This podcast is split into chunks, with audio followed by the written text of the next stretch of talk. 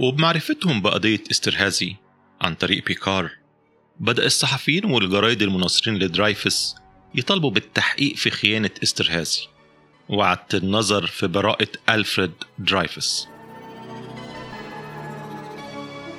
ولتفادي تزايد اهتمام الرأي العام بالموضوع ده قررت القيادات العسكرية واللي كان كتير منهم مدانين ومتورطين في فضيحة درايفس حولوا على طول استرهازي لمحاكمة عسكرية مغلقة. ومن خلالها توصل القضاة لأن استرهازي مش مذنب وبسرعة تم الإفراج عنه. تم الإفراج عنه لكن بسرعة تم إجباره على التقاعد. استرهازي الجاسوس الذكي على طول انتهز فرصة إنه خد براءة وراح حلق شنبه. وهو كان عليه شنب مميز جدا. ممكن أبقى أحط لكم صورته على صفحة أو جروب فواصل ثقافية استرهازي حلق شنبه وغير شخصيته وهرب على إنجلترا. وهناك عاش تحت اسم مستعار لحد ما مات. لكنه هيبدأ يراسل الجرايد القومية الفرنسية والصحف المعادية للسامية عشان يقول آراءه في قضية درايفس. أهو يدافع عن نفسه وفي نفس الوقت يعمل له قرشين حلوين من الموضوع. وكمان عشان يخلصوا من أي وجع دماغ وتسريب للمعلومات. المؤسسة العسكرية الفرنسية قررت القبض على بيكار بتهمة تسريب معلومات سرية مهمة وتزوير أدلة. لكن إطلاق سراح إسترهازي أشعل فتيل الأزمة وفريق الدفاع عن درايفس قرر استغلالها لأقصى حد.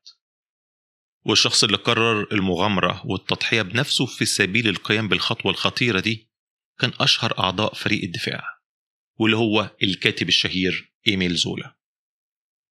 بعد يومين من حكم المحكمة بتبرئة استرهازي إيميل زولا هينشر مقالته الشهيرة جاكوز أو أنا أتهم.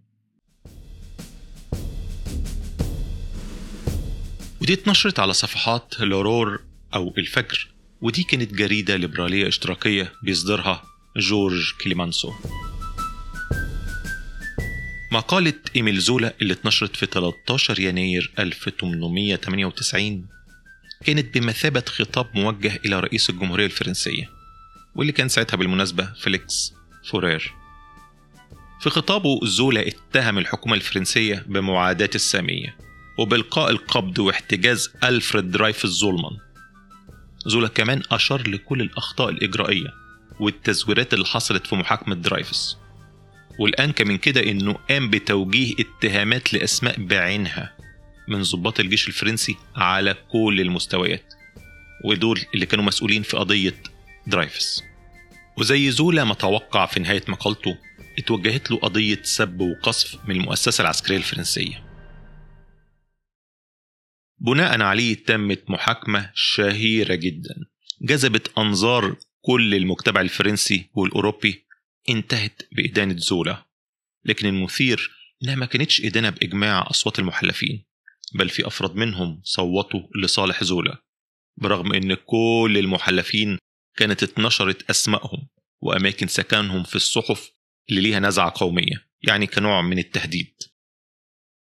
أثناء القضية دي ما كانت شغالة اشتعلت في فرنسا موجة ضخمة من معاداة السامية. اضطرابات واستهدافات مباشرة لليهود ومحلاتهم وصلت الجزائر اللي كانت ساعتها مستعمرة فرنسية. وفيها طبعا عدد كبير جدا من الفرنسيين واليهود عايشين هناك. زولا طلب إعادة المحاكمة لكن طلبه اترفض فبسرعة هرب على إنجلترا. اللحظة دي كانت تمثل ذروة الانقسام في المجتمع الفرنسي والاستقطاب الحاد اللي حصل. الفرنسيين في كل بيت في كل شارع في كل مكان عمل كانوا منقسمين ل Dreyfusards أي المناصرين لدرايفس ودول كان أغلبهم من الليبراليين والجمهوريين والاشتراكيين. وال Anti-Dreyfusards أي المعادين لدرايفس ودول كانوا غالبا من القوميين المحافظين والمناصرين للجيش. كاثوليك ملكيين سابقين وطبعا كل الكارهين لليهود في فرنسا. محاكمة زولا دي زي ما قلنا جذبت انتباه المجتمع الفرنسي والأوروبي والعالمي كمان. تأثيرها كان قاسي على معنويات الشعب الفرنسي واللي لسه كمان هيتعرض لضربة قوية في فترة ما بين سبتمبر لنوفمبر من نفس السنة. قضية محاكمة زولا كانت في بدايات سنة 1898 وحادثة فاشودة هتحصل في نهاية السنة. وفاشودة دي كانت حادثة شهيرة كنا تعرضنا لها في سلسلة إرهاصات أو ما قبل الحرب العالمية الأولى. ممكن ترجعوا لها في حلقات الإمبراطورية البريطانية الإمبراطورية الفرنسية. والحادثة دي باختصار إن القوات الاستعمارية الفرنسية في غرب أفريقيا قررت إنها تبعت حملة عسكرية عشان تستعمر شرق أفريقيا. وتسيطر على منابع النيل عشان تضغط على مستعمرة بريطانيا الأحدث اللي هي مصر. ساعتها السودان كانت انفصلت عن مصر في فترة ما بعد الثورة المهدية. المهم بالفعل الحملة الفرنسية قدرت تعبر القارة الإفريقية بالعرض لحد ما وصلوا لقرية صغيرة على نهر النيل اسمها فاشودة. البريطانيين انتبهوا للحملة دي من بدري. إضافة لأنهم كانوا عاوزين يعيدوا السودان للسيطرة المصرية مرة تانية. فتم إرسال حملة كيتشنر الشهيرة اللي استعادت السودان كلها وحصرت القوات الفرنسية القليلة في فاشودة في فاشودة العلاقات ما بين القوات الفرنسية والبريطانية اللي كانت محاصرها كانت ودية والبريطانيين وفروا للفرنسيين في فاشودة الجرايد الأوروبية. وفيها الجنود الفرنسيين اللي كانوا مقطوعين ومنفصلين عن العالم لشهور طويلة عرفوا عن محاكمة زولا وعن الاضطرابات الكبيرة اللي كانت بتعم فرنسا.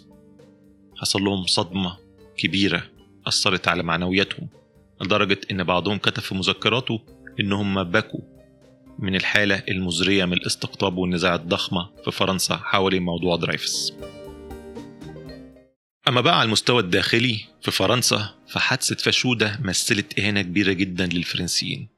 لأن جيشهم الصغير هناك ما قدرش يقف للبريطانيين واضطروا ينسحبوا خوفا من سحق الحامية الفرنسية هناك وخوفا من تدهور العلاقات بين فرنسا وبريطانيا لدرجة الحرب المباشرة.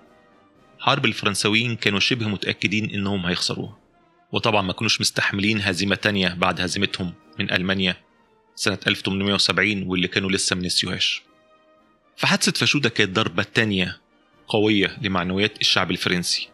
والأهم للمؤسسة العسكرية الفرنسية اللي كانت متأثرة جدا من اتهامات الفساد اللي اتكشفت في قضية درايفس وبعد كده أثناء محاكمة زولا. ودلوقتي في عجزهم قدام البريطانيين. خسارة إيميل زولا لمحاكمته ما كسرتش من عزيمة فريق درايفس واللي بقى وراهم دلوقتي شريحة ضخمة جدا من المجتمع الفرنسي اللي هم ال Dreyfusards قضية درايفس تأثيرها زاد مع الوقت وبدأ ضغط حملات المدافعين عن درايفس يزيد في الصحافة بشكل مباشر وغير مباشر. خصوصا على نواب البرلمان الفرنسي واللي بقت قضية درايفس جزء من حملاتهم الانتخابية. طبيعي إن الصحفيين دول ونواب البرلمان كانوا بينتموا أكتر لجبهة اليسار جمهوريين ليبراليين واشتراكيين. وبزيادة أعضاء مجلس النواب المؤيدين لدرايفس بدأ الضغط لإعادة النظر في محاكمته وبالفعل وصلت قضية درايفس للمحكمة العليا الفرنسية. بعد دراسة القضية بتمعن كبير تم إلغاء قرار الإدانة الأول والأمر بمحاكمة عسكرية جديدة وبالفعل يتم نقل ألفريد درايفس من جزيرة الشيطان على مشارف أمريكا الجنوبية لحد مدينة رين في غرب فرنسا. ويتم عقد محاكمة عسكرية جديدة في أغسطس سنة 1899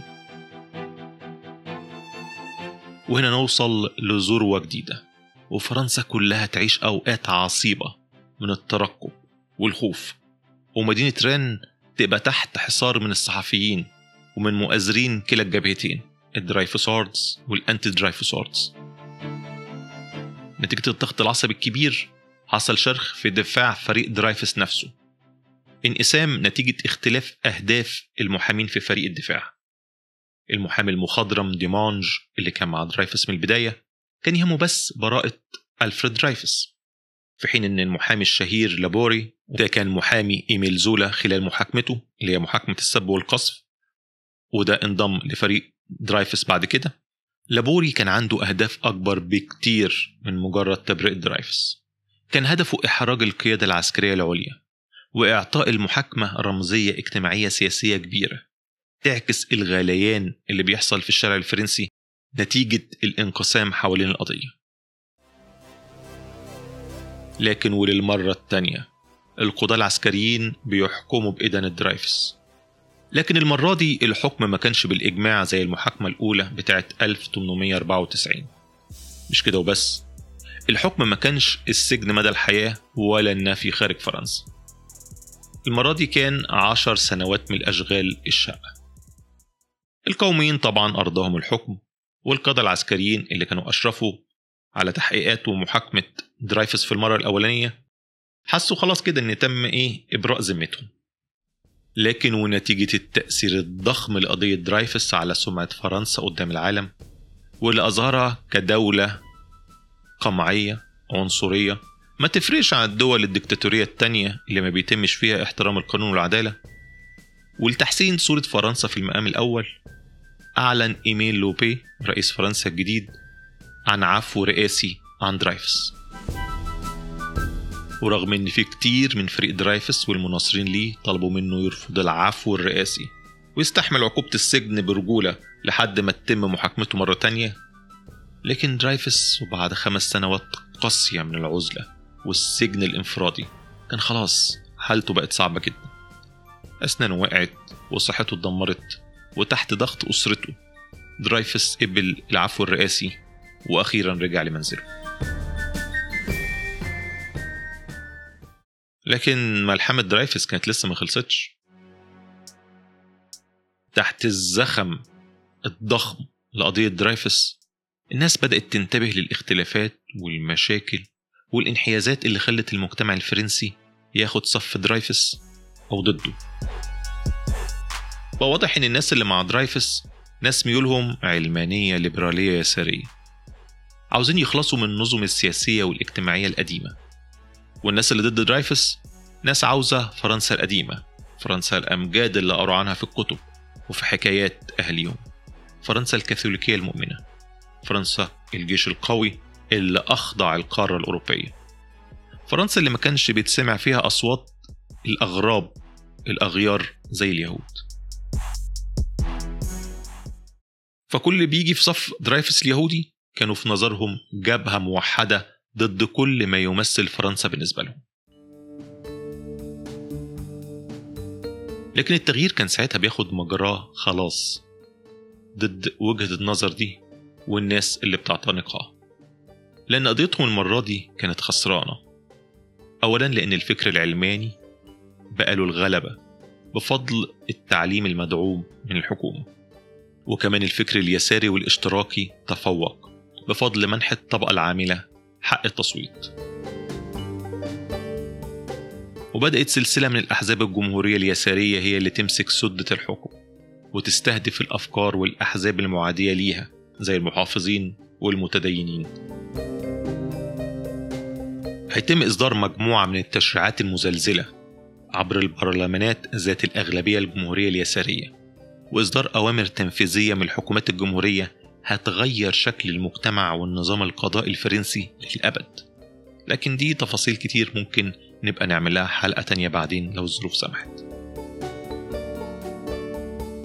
لكن خلينا نركز على أهم التغييرات. ودي هتحصل على إيد حكومة بيير والدي كروسو. ودي كانت أشهر وأهم الحكومات في الفترة دي.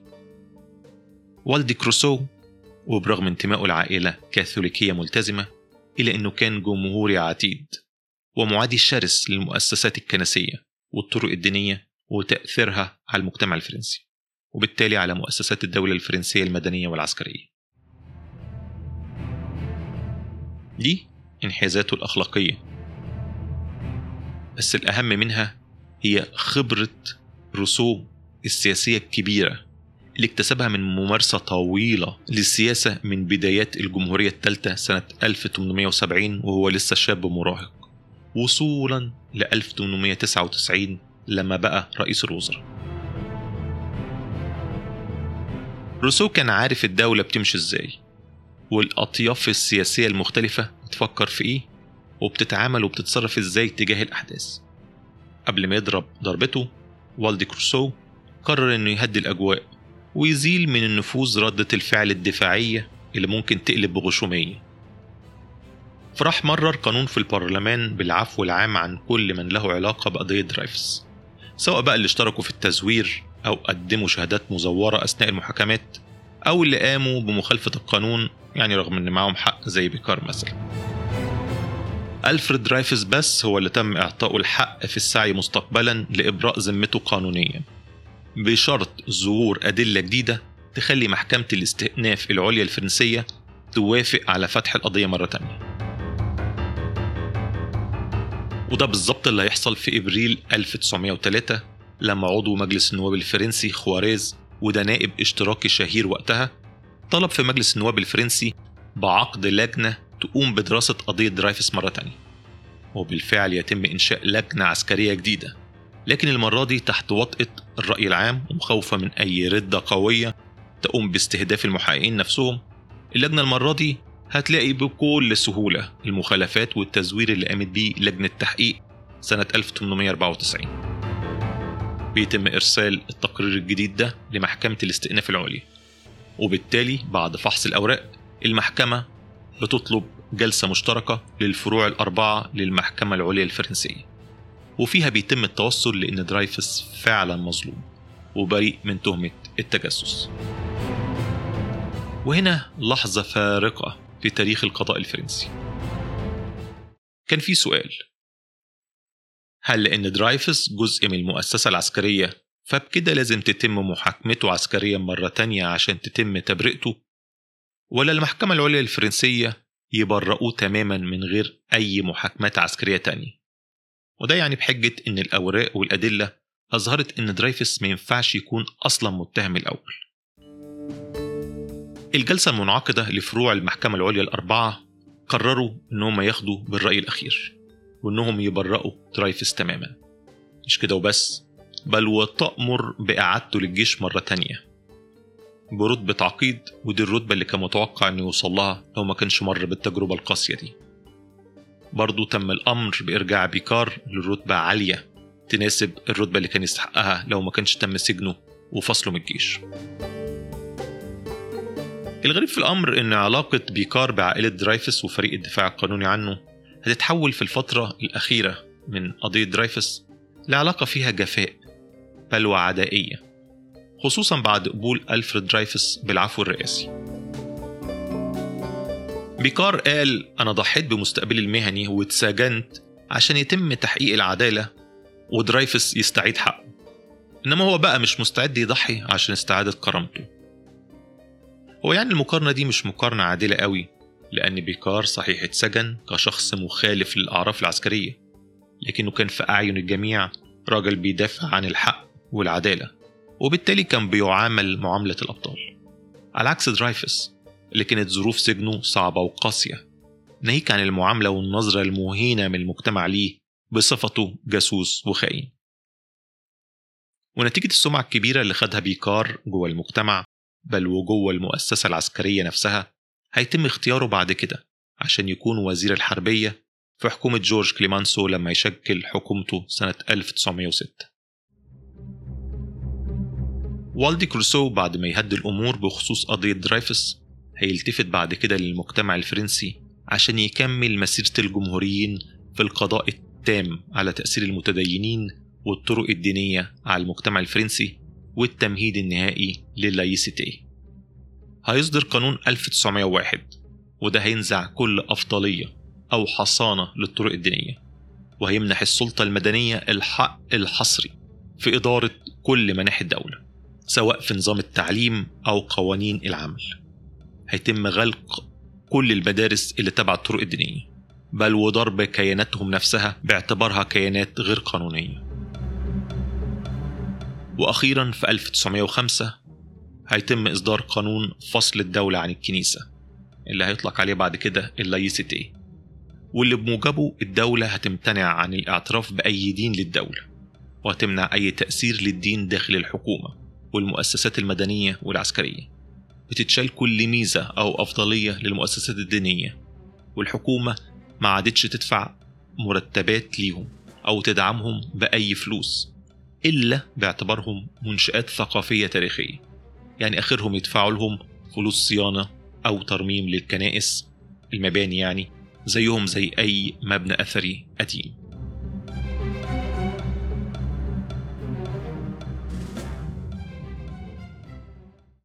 فواصل ثقافية وبحكم إنها قناة بتهتم بالتفاصيل سواء في الأحداث التاريخية أو السياسية العالمية مش بتجذب المستمعين أو المشاهدين اللي ممكن يكونوا بيفضلوا المعلومة السريعة. وعشان كده كتير من نمط دم المستمعين لما بيوصلوا لحلقات فواصل ثقافية بيزهقوا منها وبيقفلوا الحلقات بعد دقايق قليلة. والتصرف ده في حكم الالجوريزمز اللي هي الخوارزميات بتاعة منصات التواصل الاجتماعي. التصرف ده بالنسبة ليهم بيبقى معناه إن المحتوى ده مش حلو. بس إن شاء الله يعني المفهوم ده اللي عند الخوارزميات واللي عاملينها ما يكونش صح. بدليل إن الحمد لله في مستمعين كتير متابعين للقناة بشكل مستمر برغم يعني عدم انتظام إصدار الحلقات. يعني الحلقة الواحدة بيجي لها ما بين 400 و 500 استماع في أسبوع صدورها وبيكون حوالي 70 ل 80% منهم من المستمعين من الناس اللي عاملين فولو متابعة مستمرة للبودكاست على مختلف المنصات زي أبل بودكاست وغيرها. المشكلة إن عدد المستمعين المواظبين دول بيتوه وسط العدد الأكبر من المستمعين اللي خوارزميات البرامج بتجيبهم غلط على قناة فواصل ثقافية. ودول طبعا ناس صحيح بتحب تسمع تاريخ والسياسة دولية بطريقة صوتية لكنهم ما بيمشيش معاهم أسلوب فواصل ثقافية عشان كده ليا رجاء من المستمعين الأعزاء. المتابعين بإخلاص لدرجة إنهم فضلوا مكملين الحلقة لحد دلوقت من غير ما يقفلوها. لو سمحتم اعملوا تقييمات لفواصل ثقافية على منصات البودكاست اللي بتسمعوا عليها. سواء Apple Podcast أو جوجل أو Castbox أو Spotify أو غيرها. ده طبعا هيكون مفيد عشان القناة تبان لناس جديدة لكن كمان يكون أفضل لو تكتبوا مراجعات review هات عن فواصل ثقافية. تعرفوا من خلالها المستمعين الجدد القناة دي عن إيه وبتتكلم في أنهي مواضيع؟ زي إنها بتسرد الأحداث بإسهاب. مش زي يعني قناة Hardcore History بتاعت دان كارلن مثلا لكن تقولوا يعني بطريقة مفصلة بتوصل القصة بوضوح للمستمع العربي. أو تقولوا مثلا إنها بتناقش السياسة الأمريكية والغربية بطريقة تختلف عن التناول المعتاد في القنوات الإخبارية. تفاصيل زي دي ممكن تخلي المستمعين اللي بيحبوا النمط ده من المحتوى الصوتي يقدروا يتعرفوا على فواصل ثقافية بسهولة. وطبعا لو حضراتكم مشتركين في أي جروبات ثقافية على فيسبوك أو تليجرام أو غيرها من منصات التواصل الاجتماعي يكون عظيم لو عملتم بوست ينوه عن القناة بنفس الطريقة. شكرا وأشوفكم على خير الحلقة الجاية. مع السلامة.